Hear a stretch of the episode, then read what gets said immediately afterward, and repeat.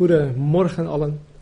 Mocht ik je nog geen huk hebben gegeven vanmorgen, dan uh, vanaf deze plek, gezegend 2016, dat het een jaar vol geloof mag zijn voor een ieder van ons. Geloof in de opgestane Heer. daar gaan we het vanaf vanmorgen ook over hebben. We hebben vorige week uh, Matthäus afgemaakt, dus in dat wij hoofdstuk 28 met elkaar hebben behandeld. Maar ik wil alsnog teruggrijpen op iets dat heel belangrijk is voor, uh, voor ons uit Matthäus 28. En ja, bij de voorbereiding, um, deze preek, ja, was ik toch echt met mezelf bezig in de zin van, deze preek is ten eerste voor mij. En, uh, maar goed, dat zullen jullie zo meteen wel horen. Jullie weten, zoals ik het ook weet, dat er op zich geen verschil zit tussen 31 december en 1 januari, toch? Oké.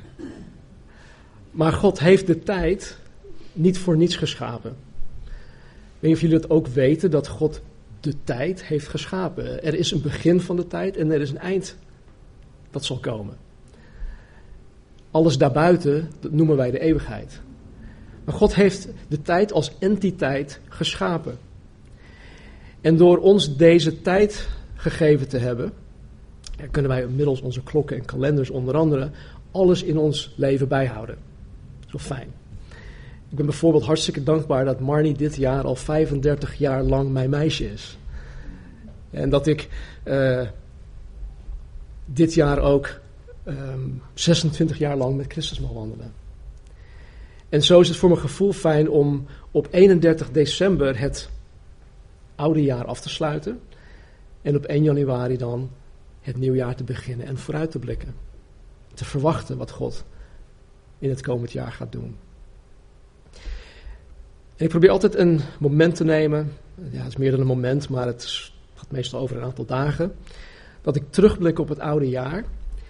En dan wil ik er zelf bij stilstaan bij, bij, bij wat God het afgelopen jaar in mijn leven gedaan heeft.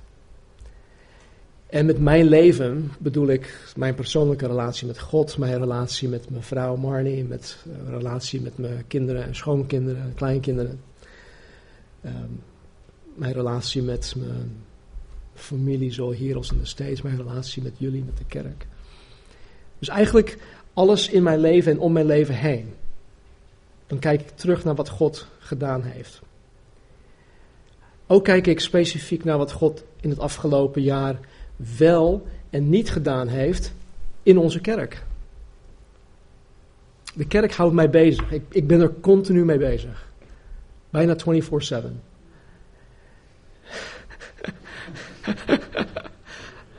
Marnie. Dus ik kijk ook naar wat God in het afgelopen jaar wel en niet gedaan heeft in de Calvary Chapel. Nou, wat God allemaal gedaan heeft in onze kerk het afgelopen jaar is gewoon veel te veel om vandaag te gaan noemen. Dus ik ga het van de andere kant benaderen. Dus in plaats van te kijken naar alle mooie dingen die God in het afgelopen jaar gedaan heeft, wil ik vanmorgen aan de hand van wat God niet gedaan heeft, vooruit gaan kijken naar 2016. Ja? Dus wat hij niet gedaan heeft, vanuit die invalshoek wil ik, kijken, wil ik vooruit kijken. Laten we nog even onze Bijbels openslaan op Matthäus 28. En van daaruit gaan wij terug naar het Oude Testament. We gaan heel veel Bijbel lezen vandaag. Ik heb voor de vertaler die er nu niet zit, omdat er geen Engelstaligen zijn, vier kantjes aan uh, Bijbelteksten uh, uitgeprint. Dus uh, jullie mogen blij zijn, Rolf en Casper, dat er vandaag geen vertaling is. Matthäus hoofdstuk 28 vanaf vers 16.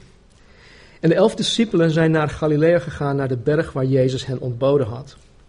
En toen zij Jezus zagen, aanbaden zij hem. Maar sommigen twijfelden. En Jezus kwam naar hen toe, sprak met hen en zei: Mij is gegeven alle macht, mij is gegeven alle macht in hemel en op aarde.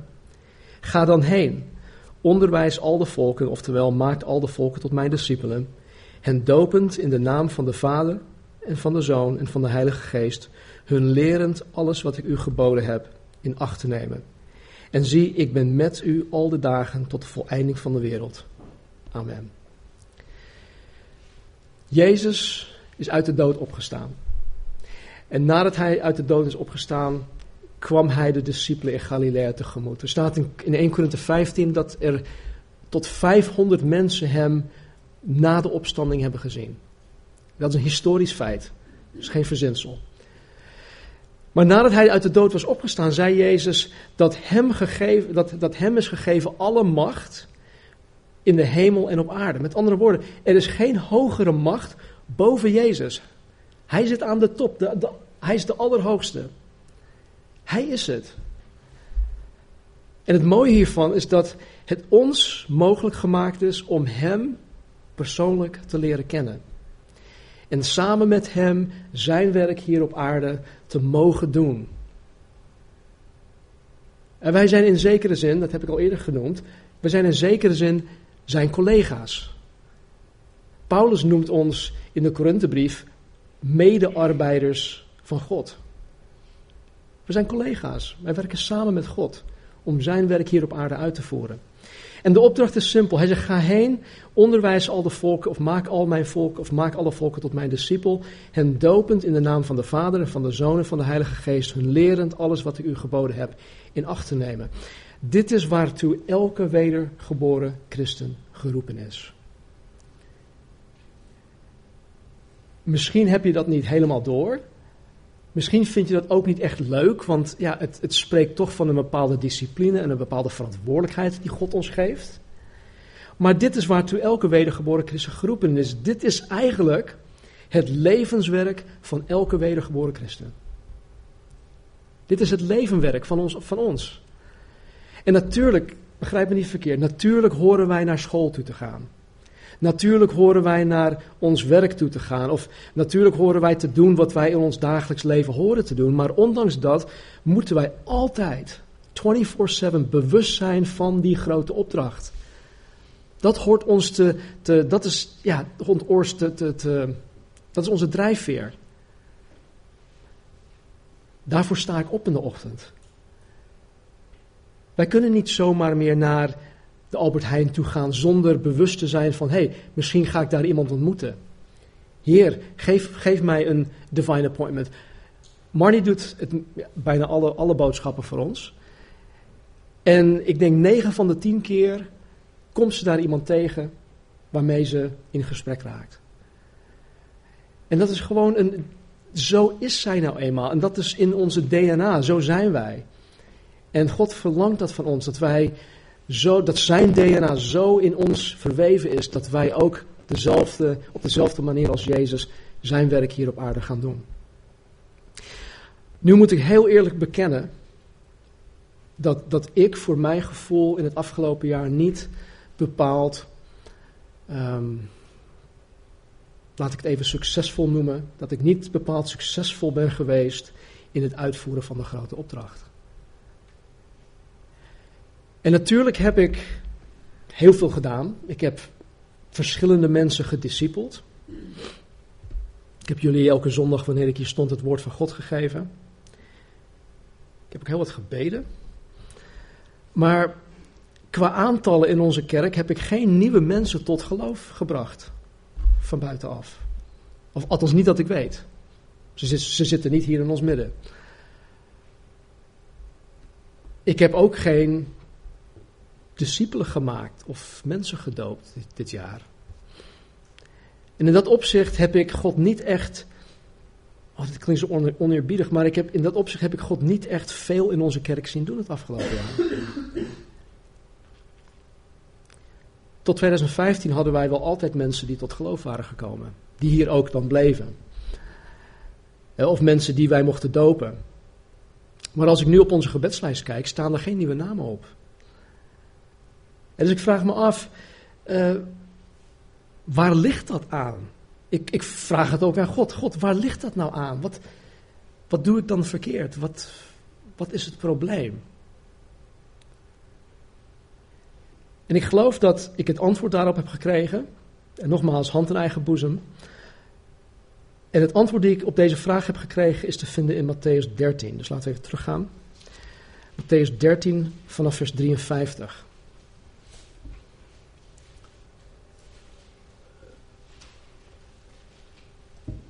Matthäus 13, 53. Jezus sprak een hoop gelijkenissen. Hij was rondom Galilea. Op dit moment was hij nog thuis, althans thuis, waarschijnlijk bij Petrus thuis, wat hij thuis noemde. En toen Jezus deze gelijkenissen geëindigd had, gebeurde dat hij vandaar, dus vanuit Petrus' huis, vertrok. En hij kwam in zijn eigen, of in zijn vaderstad, dat is Nazareth, en onderwees hen in hun synagoge.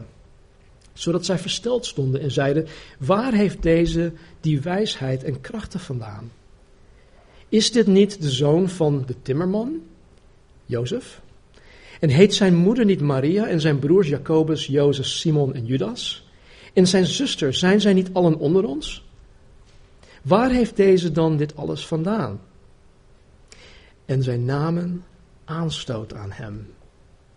Maar Jezus zei tegen hen: Een profeet is niet ongeëerd, behalve in zijn vaderstad en in zijn huis.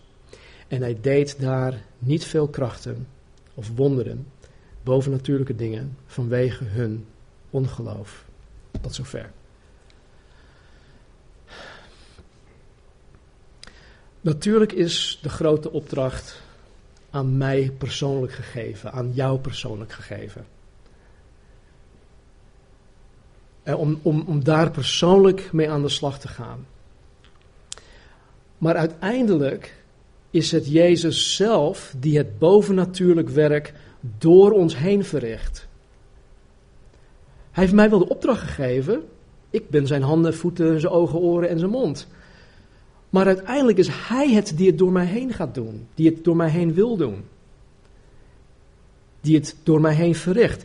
En hier staat zwart op wit dat Jezus in zijn vaderstad, zijn hometown, en onder zijn familieleden niet veel krachten, oftewel niet veel bovennatuurlijke werken deed vanwege hun ongeloof. Hierin zie ik dat het mogelijk is dat mijn ongeloof en jouw ongeloof het werk dat Jezus door ons heen wil doen kan verhinderen. Mijn ongeloof, jouw ongeloof, kan het werk van Jezus Christus door jou heen uh, tegenhouden. Ik geloof dus dat mijn ongeloof en jullie ongeloof ook de grootste hindernis zou kunnen zijn om in 2016 te slagen in het vervullen van de grote opdracht. Nou, om dit, ik zeg hier nogal wat, dat weet ik. Maar om dit in het juiste perspectief te zien, moeten we gaan kijken naar de geschiedenis van Israël. Om te zien wat destijds de verstrekkende gevolgen waren van hun ongeloof. Dus laten we een paar hoofdstukken, of een paar, paar boek, Bijbelboeken teruggaan naar het boek Numeri. Het is het vierde boek van uh, de Torah. Uh, Numeri hoofdstuk 13, dat is op bladzijde 214 in de HSV. En we gaan best wel veel lezen. Dus wees geduldig en let goed op. Numbers 13. Nummer 13.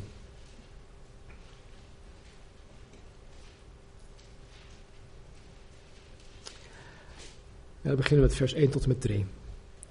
De Heer sprak tot Mozes: Stuur mannen voor u uit om het land Canaan te verkennen, dat ik aan de Israëlieten geven zal. U moet één man per stam van zijn vaderen sturen, elk een leider onder hen. Mozes stuurde hen uit de woestijn Paran op bevel van de Heer. Nou, dan komt er een hele lijst met namen. Maar even de context. Op dit moment waren de Israëlieten op weg naar het beloofde land. ze waren Egypte uitgetrokken. Ze gingen al door de Schelfzee. Ze hebben heel veel tekenen en wonderen van God gezien. Ze hebben geboden gekregen. En nu waren ze dus echt op weg. Wat eigenlijk vanaf de overkant van de Schelfzee tot aan het beloofde land, dat zou eigenlijk een, een, een, een, een reis van elf dagen moeten zijn geweest. Heeft uiteindelijk 40 jaar geduurd. En je zal zien waarom. Dus ze waren op weg naar het beloofde land. In Jozua 1 staat dat God het beloofde land reeds aan Israël gegeven had. Hij zegt: Ik heb het je al gegeven. Je hoeft het alleen nog maar in je bezit te nemen. Hier in nummer 13 geeft God het bevel om het beloofde land te gaan verkennen. En God stuurde dus twaalf hoofden van elke, elke stam het land in om het te gaan verkennen. Onthoud even heel goed dat God het bevel aan Mozes gaf. En vervolgens gaf Mozes het bevel door aan de mannen die hij erop uit moest sturen. Nu gaan we even verder naar vers 17. Vers 17 tot 25. Mozes stuurde hen om het land Canaan te verkennen. En hij zei tegen hen: Ga hier het zuiderland in en ga dat bergland in. En bekijk het land, hoe het is. En het volk dat er woont, of het sterk is of zwak. Of het gering in aantal is of talrijk. En kijk hoe het land is waarin het volk woont. Of het goed of slecht is. En hoe de steden zijn waarin het woont. Of het in tentkampen woont of in vestingen. Kijk ook hoe de grond is, of die vruchtbaar is of schraal. En of er bomen zijn of niet. Vat moed en neem wat van de vruchten van het land mee. Die dagen waren namelijk juist de dagen van de eerste vruchten, van de druiven. Ze gingen op weg en verkenden het land, van de woestijnzin tot Rehob bij Lebohamad. Ze gingen het zuiderland in en kwamen tot aan Hebron. En daar woonden Ahiman, Sesai, Talmai, nakomelingen van Enak. Hebron nu was zeven jaar eerder gebouwd, tot Zoan in Egypte. Daarna kwamen ze aan in het dal Eskol en sneden daar een rank af met, een tros, met één tros druiven, die zij met z'n tweeën aan een draagstok moesten dragen. Druiven. Ook namen zij wat granaatappels en wat vijgen mee. Die plaats noemde men het dal Eskol vanwege de tros die de Israëlieten daar afgesneden hadden. Daarna keerden zij terug van het verkennen van het land na verloop van 40 dagen. Tot zover. Oké, so far so good, toch? Ze hebben de opdracht gekregen en ze hebben precies gedaan wat Mozes hun opdroeg. Nu, vers 26. Zij gingen op weg en kwamen bij Mozes en bij Aaron en bij heel de, en bij heel de gemeenschap van de Israëlieten in de woestijn Paran bij Kades. En zij brachten aan hen en heel de gemeenschap verslag uit en toonden hun de vruchten van het land. Ze vertelden het Mozes en zeiden: Wij zijn in dat land gekomen waarheen u ons gestuurd hebt. En werkelijk, het vloeit over van melk en honing. En dit is zijn vrucht. Het volk echter, en dat woordje echter is heel vervelend. Het volk echter dat in dat land woont is sterk. De steden zijn versterkt en heel groot. En ook hebben wij daar nakomelingen van, nakomelingen van Enak gezien. In het zuiderland woont Amalek in het bergland wonen de Hethieten, de Jebusieten en Amorieten. Aan de zee en aan de oever van de Jordaan wonen de Canaanieten. Tot zover. Nou, op eerste gezicht lijkt dit op een objectief verslag. Ze geven eigenlijk door wat zij hebben waargenomen. Maar zoals zij het hier brengen, proef ik dat zij nogal onder de indruk zijn van hoe groot en hoe sterk het volk is dat zij moeten gaan veroveren. Nou, dit. Ondanks dat God expliciet gezegd had dat Hij, God zelf, het land reeds aan hun gegeven had, werden ze wegens de omstandigheden, Enak en Amalekieten en alles wat zij waarnamen, werden zij ongelovig. Zij werden bevangen door ongeloof.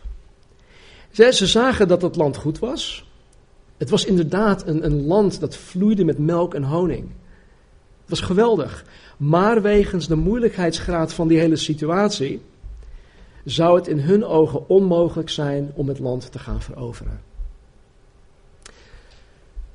Hoe logisch en hoe realistisch hun, e-, hun evaluatie van de situatie ook klonk. Want het klinkt heel redelijk. Uiten zij hiermee hun ongeloof. Maar kijk wat er gebeurt. Vers 30. Toen bracht Caleb het volk tegenover Mozes tot bedaren en zei: Laten wij vrijmoedig optrekken. Wij zullen het land in bezit nemen, want wij zullen het zeker overmeesteren. Tot zover. Weet je, het is, het is zo geweldig lijkt mij. Om een Caleb die vol van geloof is als je teamgenoot te hebben. Iedereen om, om, om, om, om zich heen die denkt van, oh nee joh, dit gaat ons absoluut niet lukken. Nee, laten we weer teruggaan. En dan zegt Caleb, nee, laten wij het land in bezit nemen. Laten wij vrijmoedig optrekken. Van de twaalf mannen die het land verkenden, was hij op dit moment de enige die zijn geloof uitte. De rest uitte alleen maar hun ongeloof. En zometeen zullen we zien dat ook Jozua vol van geloof is. Maar dan nog zijn ze alleen met z'n tweeën. Twee van de twaalf zijn vol van geloof en tien zijn vol ongeloof. En kijk wat het ongeloof van de tien met hun doet, dus met de tien. En kijk wat het ongeloof van de tien met de rest van de mensen doet. Vers 31 tot met 33. Maar de mannen die met hem, dus met Caleb, opgetrokken waren, zeiden: Wij kunnen tegen dat volk niet optrekken, want het is sterker dan wij. En zij lieten een kwaad gerucht uitgaan bij de Israëlieten over het land dat zij verkend hadden, door te zeggen: Het land waar wij doorgetrokken zijn om het te verkennen, is een land dat zijn inwoners verslindt. En heel het volk dat wij in het midden daarvan gezien hebben, bestaat uit mannen van grote lengte. Het waren Nederlanders. We hebben er ook reuzen gezien, nakomelingen van Enak, afkomstig van de reuzen. Wij waren in onze eigen ogen als sprinkhanen en zo waren wij ook in hun ogen. Weet je, dit is zo ontzettend triest. Dit is zo triest. Door hun ongeloof waren ze niet bereid om, om Mozes, hè, hun, hun door God aangestelde leider, te gehoorzamen. Waardoor zij uiteindelijk God niet gehoorzaamden. Het is al erg genoeg dat deze tien zelf niet het woord van God geloofden. Dat kan. Mensen hebben het recht om Gods woord wel of niet te geloven. Dat is hun zaak. Maar hier zien wij wat hun ongeloof in een megakerk zoals Israël kan doen. Ik zal waarschijnlijk in de komende versen eh, het, het woord kerk ook noemen. En daarmee bedoel ik niets um, vreemds. Het woord kerk betekent simpelweg een gemeenschap van mensen die door God uit de wereld geroepen zijn om Hem te vertegenwoordigen. Ecclesia, dat is een Grieks woord voor kerk. En, en dit was Israëls roeping. Om uit de wereld geroepen te worden om Hem te vertegenwoordigen onder al de heidenvolken. En dat is ook de roeping van de kerk van Jezus Christus. Dus als ik Israël een kerk noem, dan bedoel ik daar gewoon mee dat zij een groep van uitgeroepenen zijn.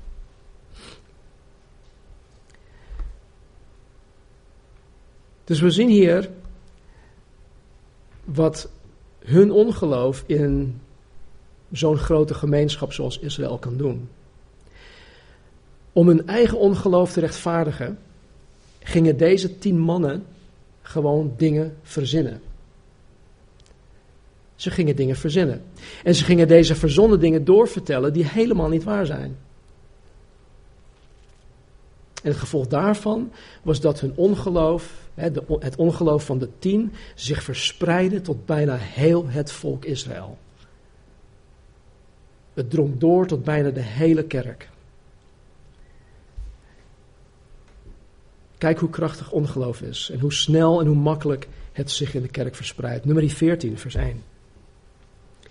Toen begon heel de gemeenschap luid te weeklagen en bleef het volk in die nacht, die nacht luid jammeren.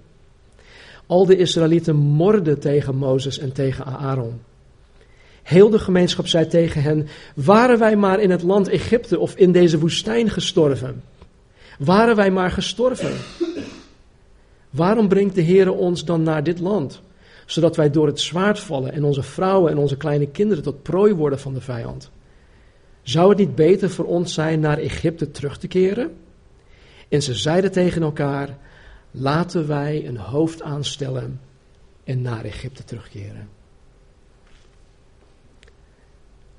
De hele gemeenschap werd door het ongeloof van de tien beïnvloed. En het gevolg was dat heel Israël tegen Mozes en Aaron gingen morren. Morren betekent ook protesteren. Het totaal niet eens zijn met en dan protesteren tegen. Door hun ongeloof geloofden zij niet in Gods plan. God had een plan om hun naar het beloofde land te brengen. Om hun het beloofde land te geven. Maar door hun ongeloof geloofden zij dat niet. Zij geloofden niet in het beloofde land. Zij geloofden niet dat God Mozes geroepen had en Mozes aangesteld had om hun leider, of laat het voorganger noemen, te zijn. Hij, gaf daar hij, hij, had daar de leiding. Zij geloofden ook niet dat Aaron en later ook Jozua en Caleb door God aangesteld waren als leden van het leiderschapsteam. Dat geloofden ze gewoon niet. En door hun ongeloof wilden zij een nieuwe voorganger aanstellen die hun terug zou leiden naar Egypte. Door hun ongeloof kwamen zij in opstand. Vers 5. Toen wierpen Mozes en Aaron zich met hun gezicht ter aarde. Voor heel de verzamelde gemeenschap van de Israëlieten.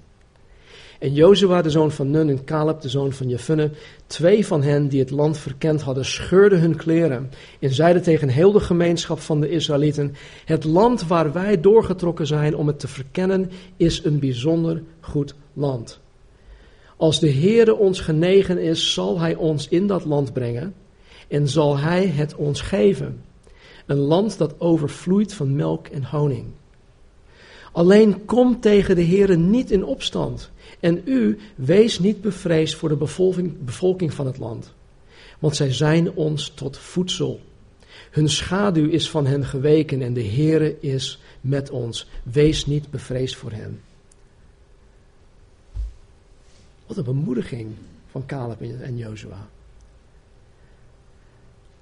We zien Mozes en Aaron zichzelf ter aarde werpen voor heel de verzamelde gemeenschap. En Mozes en Aaron, die het klappen van de zweep kennen, weten op dit moment dat het geen zin heeft om um, met de mensen te gaan praten. Ze weten het al. Ze zijn al zo doorgewinterd in het omgaan met de gemeenschap. Het heeft op dit moment gewoon geen zin. Dus wat doen ze? Ze vallen neer voor de gemeenschap, ze vallen neer voor God en ze bidden tot God. Ze weten dat dat het enige is wat verandering kan brengen. Jozue en Caleb daarentegen, dat zijn net als, dat zijn ja, een soort van bijbelschoolstudenten. die zijn jong, die zijn optimistisch, die zijn idealistisch. En, en zij denken dat zij de mensen toch nog over de streep kunnen trekken. Als ik daar was, had ik, denk ik, geloof ik, ik hoop dat ik het zou, zou geloven, dat ik dat zou doen. Ik denk dat ik wel acht zou hebben geslagen op wat Jozua en Caleb zeiden. Maar goed, dat kan ik nu niet zeggen. Het is best wel overtuigend wat ze zeggen. Maar kijk hoe de kerk reageert op Jozua en Caleb. Toen zei heel de gemeenschap, vers 10, dat men hen met stenen moest stenigen. Maar de heerlijkheid van de Heer verscheen in de tent van ontmoeting voor al de Israëlieten. De hele gemeenschap wilde het leidersteam stenigen. Maar toen verscheen God en God greep in. Vers 11. En de Heer zei tegen Mozes: Hoe lang zal dit volk mij nog verwerpen? En hoe lang zullen zij niet in mij geloven, ondanks al de tekenen die ik in het midden van hen gedaan heb?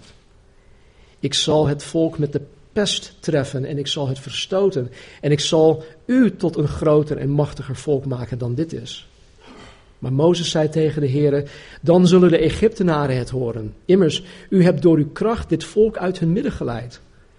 Ze zullen het zeggen tegen de inwoners van dit land, die gehoord hebben dat u, heren, in het midden van dit volk bent, dat uw oog in oog gezien wordt, heren, en dat uw, uw wolk boven hen staat, en dat u overdag in een wolkolom voor hen uitgaat en s'nachts in een vuurkolom. Zou u dit volk als één man doden, dan zullen de volken die bij geruchten van u gehoord hebben zeggen, omdat de Heere dit volk niet in het land kon brengen dat hij hun gezworen had, daarom heeft hij hen in de woestijn afgeslacht. Nu dan, laat toch de kracht van de Heere groot worden zoals u gesproken hebt. De Heere is geduldig en rijk in goede tierenheid. Hij vergeeft de ongerechtigheid en de overtreding. Hij houdt de schuldigen zeker niet voor onschuldig en vergeldt de ongerechtigheid van de vaderen aan kinderen tot in het derde en vierde geslacht. Vergeef toch de ongerechtigheid van dit volk, overeenkomstig de grootheid van uw goede tierenheid. En zoals u dit volk vergeven hebt vanaf Egypte tot hiertoe, of tot hiertoe. En de Heere zei, op uw woord. Zij reageert op wat Mozes nu zegt. Op uw woord, Mozes, heb ik hun vergeven. Echter, zo waar ik leef, de hele aarde zal met heerlijkheid van de Heere vervuld worden. Want al de mannen die mijn heerlijkheid gezien hebben en mijn tekenen die ik in Egypte en in de woestijn gedaan heb, en die mij nu al tien keer op de proef gesteld hebben en niet naar mijn stem hebben geluisterd, zij zullen het land dat ik hun vaderen gezworen heb niet zien. Ja, geen van allen die mij verworpen hebben, zullen het zien. Maar mijn dienaar Caleb, omdat in hem een andere geest was, en hij erin volhard, volhard heeft mij na te volgen, hem zal ik brengen in het land waar hij geweest is, en zijn nageslacht zal het, bezit in, zal het in bezit nemen. De Amalekieten en de Canaanieten wonen in het dal. Keer morgen om en trek verder de woestijn in in de richting van de Schelfzee. Tot zover. In vers 1 tot en met 4 lezen wij dat heel de gemeenschap tegen Mozes en Aaron morde. Dat ze tegen Mozes en Aaron protesteerden. In vers 10 lezen wij dat zij hun leiders wilden stenigen. Zij protesteerden en rebelleerden tegen hun leiders. Dat zien wij hier in de praktijk. Maar God ziet het anders. God ziet dat anders. God zegt in vers 11: Hoe lang zal dit volk mij nog verwerpen? En hoe lang zullen zij niet in mij geloven, ondanks al de tekenen die ik in het midden van hen gedaan heb? In vers 22 en 23. Want al de mannen die mijn heerlijkheid gezien hebben en mijn tekenen die ik in Egypte en in de woestijn gedaan heb, en die mij nu al tien keer op de proef gesteld hebben en niet naar mijn stem hebben geluisterd, zij zullen het land dat ik hun vader gezworen heb niet zien. Ja, geen van allen die mij verworpen hebben, zullen het zien. De gemeenschap, de kerk, protesteerde en rebelleerde tegen Mozes, tegen Aaron, tegen Jozua en tegen Caleb. Maar vanuit Gods optiek rebelleerde de gemeenschap tegen God zelf. Weet jullie nog dat, dat, um, dat Jezus aan Paulus verscheen? Op de weg naar Damascus toe. En dan zegt hij, op een gegeven moment zegt Jezus tegen Paulus, waarom vervolgt u mij? Paulus had Jezus nog nooit in levende lijven gezien. Hoe kan hij Jezus dan vervolgen? Maar Jezus zegt: Waarom vervolgt u mij? Met andere woorden, door mijn kerk te vervolgen, door mijn kinderen te vervolgen, vervolg je mij. God neemt het zo persoonlijk aan. En door te, te, te protesteren en te rebelleren tegen de door God aangestelde leiders, Mozes, Aaron, Jozua en Caleb, zegt God: Jullie protesteren wel tegen hun, maar uiteindelijk protesteer je tegen mij. En dit is hoe ver de mens kan gaan wegens ongeloof. Vers 26. Daarna sprak de Heer tot Mozes en tot Aaron. Hoe lang zal ik nog bij deze boosaardige gemeenschap blijven, die tegen mij mort? Ik heb het gemor van de Israëlieten gehoord waarmee zij tegen mij morren. Zeg tegen hen, zo waar ik leef, spreekt de Heer, voorwaar ik zal met u doen zoals u ten aanhoren van mij gesproken hebt. In deze woestijn zullen u dode lichamen vallen. Te weten allen van u die geteld zijn, naar hun volledige aantal van twintig jaar oud en daarboven. U die tegen mij gemord hebt. U zult beslist niet in dat land komen waarover ik mijn hand opgehe opgeheven heb, dat ik u daarin zou laten wonen, behalve Caleb de zoon van Jeffunne en Jozua de zoon van Nun. Uw kleine kinderen van wie u zei, zij zullen tot prooi worden, zij zullen tot prooi worden van de vijand, hen zal ik erin brengen. Zij zullen dat land van, dat u verworpen hebt leren kennen. Maar wat u betreft, uw dode lichamen zullen in de woestijn of in deze woestijn vallen. Uw kinderen zullen veertig jaar in deze woestijn rondzwerven en zij zullen uw hoererijen dragen, totdat uw dode lichamen in deze woestijn vergaan zijn. Overeenkomstig het aantal dagen dat, dat u dat land verkend hebt, veertig dagen, voor elke dag een jaar, zult u uw ongerechtigheden dragen, veertig jaar lang, en u zult van mijn tegenstand ondervinden. Ik, de Heere, heb gesproken. Voorwaar, ik zal dit doen met heel deze boosaardige gemeenschap die tegen mij samenspant. Ze zullen in deze woestijn omkomen, ja, zij zullen er sterven. En de mannen die Mozes uitgestuurd had om het land te verkennen en die terugkeert, heel de gemeenschap tegen hem hadden doen morren door over het land een kwaad gerucht te laten uitgaan. Die mannen die over dat land een kwaad gerucht hadden laten uitgaan, stierven ten gevolge van een plaag voor het aangezicht van de Heere. Maar van de mannen die erop uitgegaan waren om het land te verkennen, bleven Jozua de zoon van Nun en Caleb de zoon van Jefune in leven. Nogmaals. God benadrukt hier dat de gemeenschap tegen God heeft gemord. Dat het tegen God samenspant. Wat mij opvalt hier is dat God zegt dat allen die twintig jaar oud en ouder zijn in de woestijn zullen sterven. Hij heeft het over een bepaalde generatie van mensen. Ik weet niet of het helemaal zuiver is, maar in de praktijk heb ik geleerd dat de meeste jonge mensen leergierig en kneedbaar zijn. Daarom vond ik het, ja, het jeugdwerk altijd ook zo, zo fijn. Maar naarmate men ouder wordt, hoe meer eigenwijs en hoe meer halstarrig de mens wordt. Het zijn ook heel vaak de eigenwijze oudere mensen die met ongeloof kampen. Nou, we hebben dit verslag uit Israëls geschiedenis als achtergrond. Laten we nu even een moment nemen om te gaan kijken wat God in het Nieuw Testament heel specifiek hierover zegt. Laten we naar Hebreeën toe gaan, Hebreeën hoofdstuk 3. Hebreeën hoofdstuk 3, vers 1. Daarom, heilige broeders, deelgenoten aan de hemelse roeping. Let op de apostel en hoge priester van onze beleidenis Christus Jezus. Hij is getrouw aan God, die hem aangesteld heeft, zoals ook Mozes trouw was in heel zijn huis. Christus is zoveel meer heerlijkheid waard, geacht, dan Mozes. Evenals hij die, met huis, evenals hij die het huis gebouwd heeft, meer eer ontvangt dan het huis zelf. Immers, elk huis wordt door iemand gebouwd. Maar hij die dit alles gebouwd heeft, is God.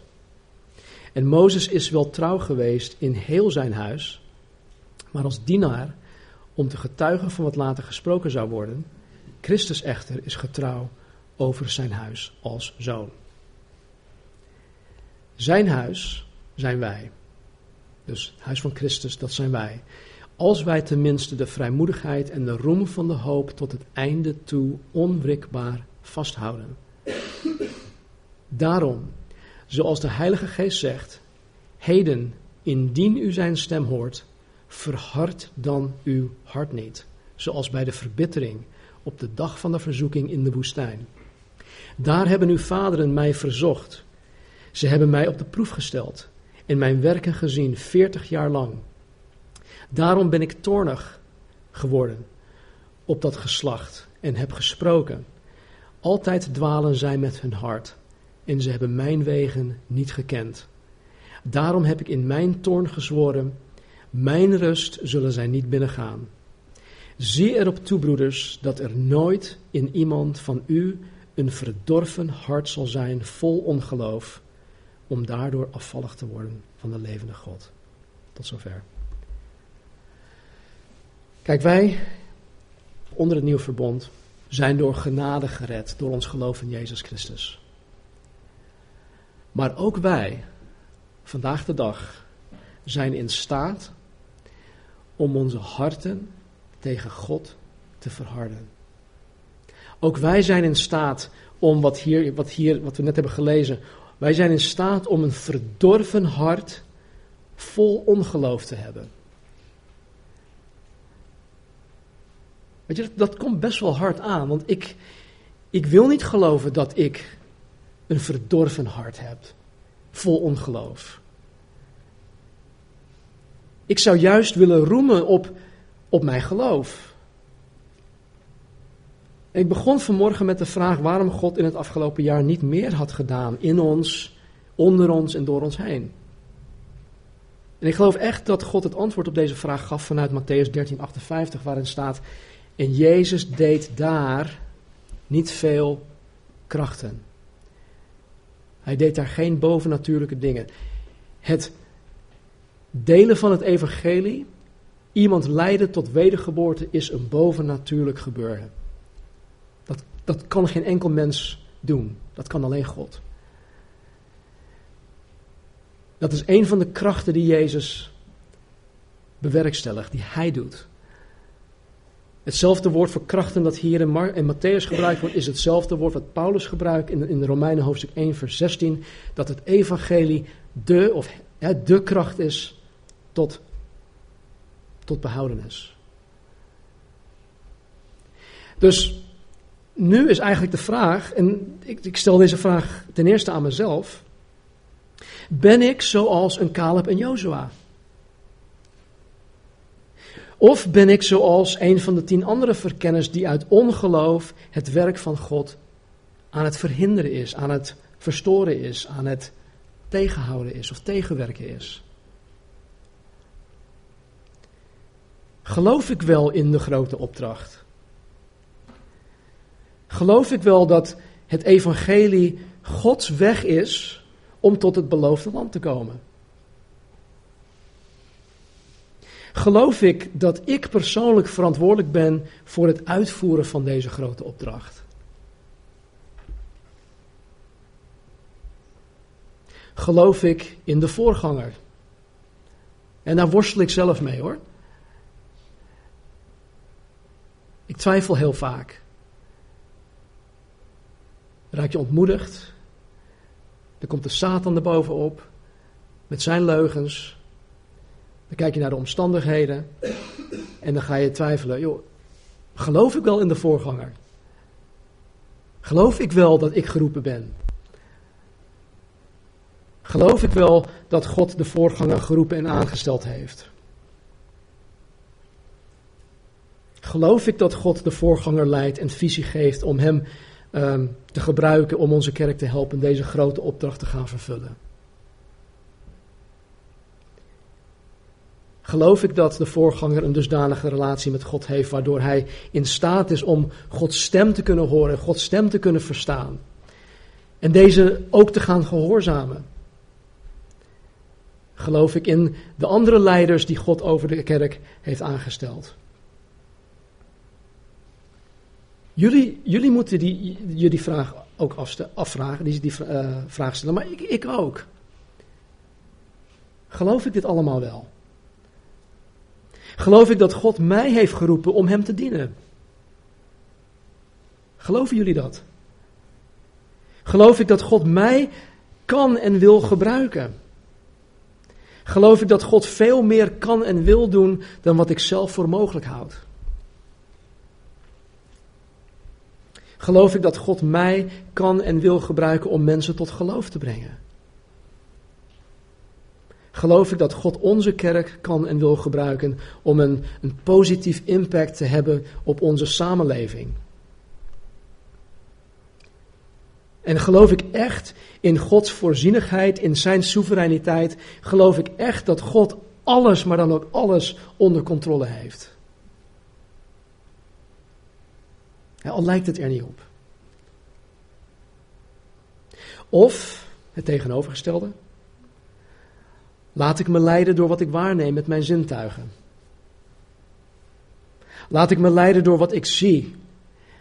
Wat ik verneem, wat ik proef, wat ik tussen de regels in zie of hoor of denk? Laat ik me leiden door eventuele spoken die ik zie?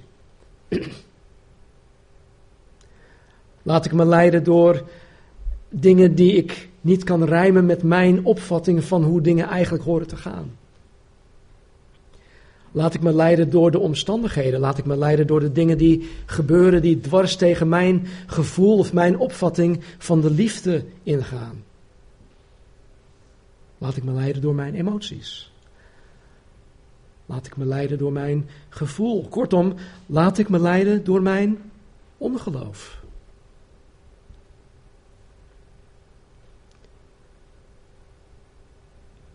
Wij moeten een gemeente zijn, een gemeente worden waarin ieder persoon afzonderlijk het geloof van een Caleb en van een Joshua heeft. Weet je, en dat is, dat is echt binnen handbereik, mensen. Het is mogelijk. Ook voor mij is dat mogelijk. Er is geen enkele reden waarom er in onze gemeente ongeloof hoort te zijn. We hebben Jezus Christus, het levende woord. Wij hebben de Bijbel, het geschreven woord. We hebben de Heilige Geest, de Geest der waarheid, die ons in staat stelt, die ons tot de volledige waarheid wil leiden en kan leiden. Ik geloof dat het enige dat wij dan nog nodig hebben, is een eerlijke en nederige houding naar God toe. Ik heb een eerlijke en nederige houding naar God toe nodig. In Marcus 9 lezen we een verhaal over een man die een maanzieke zoon had. Maanziekte, dat is een ja, rare ziekte. En in Marcus 9, vers 23 zei Jezus tegen deze vader: Als u kunt geloven, alle dingen zijn mogelijk voor wie gelooft. En meteen riep de vader van het kind onder tranen. Hij zegt: Ik geloof, heren. Ik geloof, ik geloof. Kom mijn ongeloof te hulp. Kom mijn ongeloof te hulp.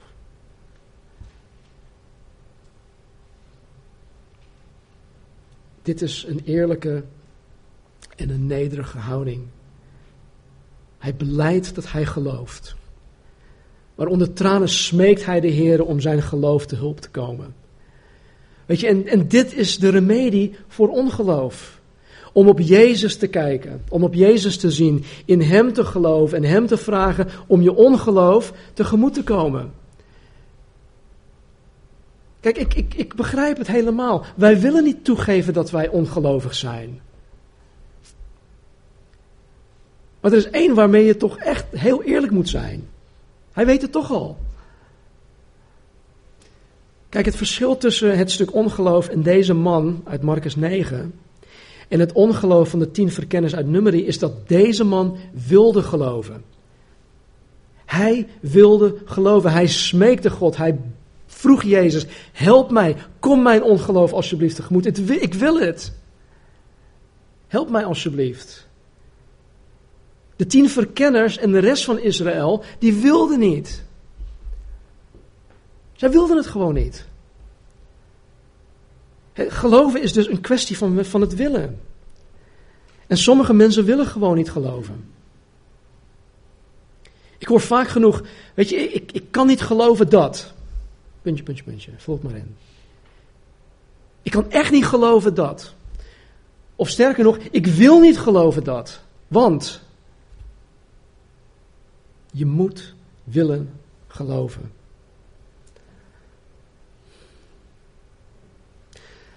Zoals ongelovige Thomas. Dat vind ik zo sneu dat hij die benoeming krijgt. Hè? Voor alle eeuwigheid wordt hij bekend als de ongelovige Thomas. Maar goed, volgens openbaring krijgen we allemaal een nieuwe naam, dus hij ook. Maar zoals deze ongelovige Thomas willen wij het eerst zien. Wij willen het eerst zien en dan pas geloven. Thomas, die de opgestane Heer nog niet met eigen ogen gezien had, geloofde de andere discipelen niet dat Jezus inderdaad uit de dood was opgestaan. En kijk wat Jezus tegen deze Thomas hierover te zeggen heeft. Hij zegt, het staat in Johannes 20, vers 27 dit.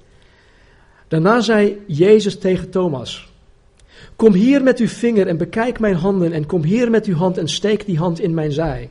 En wees niet ongelovig, maar gelovig. En Thomas antwoordde en zei tegen Jezus, mijn Heere en mijn God. En Jezus zei tegen Thomas, omdat u mij gezien hebt, Thomas, hebt u geloofd. Zalig zijn zij die niet gezien zullen hebben en toch geloven.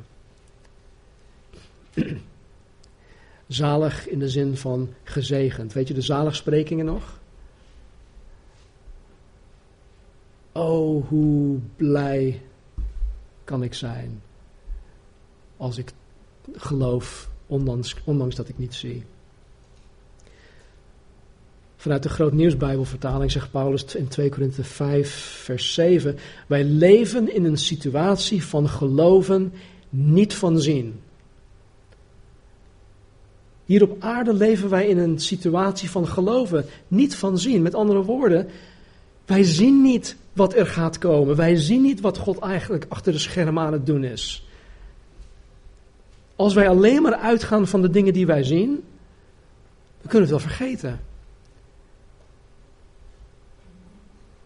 Wisten, wist Jozua, wist Caleb wat er allemaal komen zou als zij het land gingen in, in, in zouden gaan? Nee, dat wisten ze van tevoren niet. Maar zij geloofden, zij geloofden God dat hij het zou doen.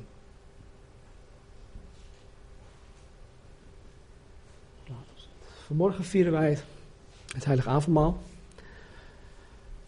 En in ieder die Jezus Christus beleidt als redder en Heer, die hem navolgt, die mag hier deel aannemen. Ik denk dat het goed is om stil te staan bij het offer van Jezus Christus aan het kruis, dat Hij voor jouw zonde gestorven is, waardoor Hij het jou mogelijk gemaakt heeft om in geloof te leven en in geloof te wandelen met God. En zoals Mozes en Aaron zichzelf neerwierpen op de grond voor God. Kom vanmorgen, dat hoef je niet hier te doen, maar kom gewoon met die hartsgesteldheid naar God toe. In alle nederigheid en vraag God om jou te vergeven van je ongeloof.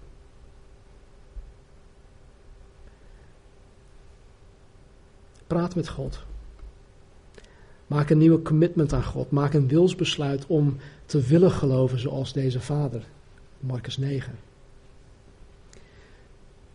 En zodra je er klaar voor bent, kom naar voren toe. Neem de elementen van het heilige avondmaal. Misschien is het ook goed als we, terwijl er gezongen wordt, dat je ook een moment neemt om voor elkaar te bidden. Ik weet dat dat soms heel ongemakkelijk is. Ja, maar ik durf het niet. Weet je, ik heb gebed nodig. Ik heb gebed nodig. Dus als iemand voor mij wil bidden, praise the Lord. Jullie hebben ook gebed nodig. En vervolgens zullen wij de dienst afsluiten met lofprijs en aanbidding. Laten we bidden. Hemelse Vader, ik dank u voor uw trouw. Dank u, Vader, voor uw liefde. Dank u voor uw geduld met ons. En ik dank u voor de woorden die wij vanmorgen ook hebben mogen zingen. I'm so unworthy, but still you love me.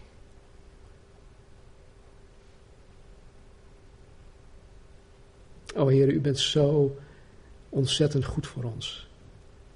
Zo geduldig. Zo genadig. Zo barmhartig, Heer. U bent zo begaan met ons, Heer.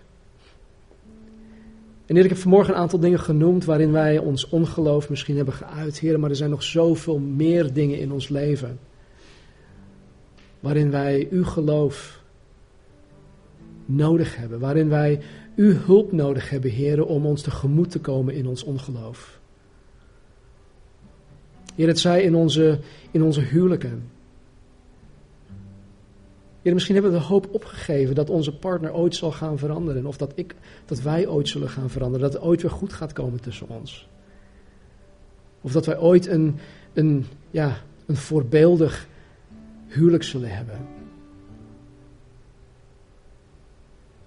Heer, misschien hebben wij op, op veel andere gebieden het hoop, de hoop opgegeven. Heer, herstel alsjeblieft die hoop. Heer, herstel alsjeblieft het vertrouwen op U. Heer, dat we hoopvol en vertrouwensvol, Heer, en, en vrijmoedig, Heer, het nieuwjaar in zullen gaan. En dat we verwachtingsvol zullen zijn. Dat we het echt van U gaan verwachten, Heer, dat we het van U zullen afbidden. En Heer, ik geloof echt dat een ieder van ons vanmorgen, Heer, onder tranen zou willen zeggen: Heer, ik geloof, maar help mijn ongeloof. Kom mijn ongeloof te hulp. Dus ik bid God dat uw Heilige Geest in ons en onder ons zal werken. Bevestig het woord in onze harten.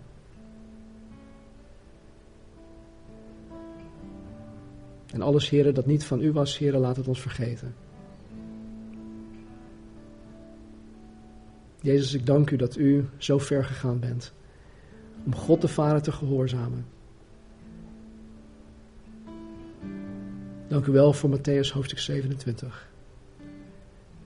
En dank u wel voor Matthäus hoofdstuk 28. Help ons, heren, om, zoals Paulus ons ook aanmoedigt in Efeze hoofdstuk 4, om waardig te wandelen naar de roeping die u ons, waarmee u ons geroepen heeft. Zegen ons, heren, herstel ons geloof. Vergeef ons, heren, voor ons ongeloof. En help ons om elkaar, heren, aan te sporen tot geloof. Dank u wel. In Jezus naam bidden wij. Amen.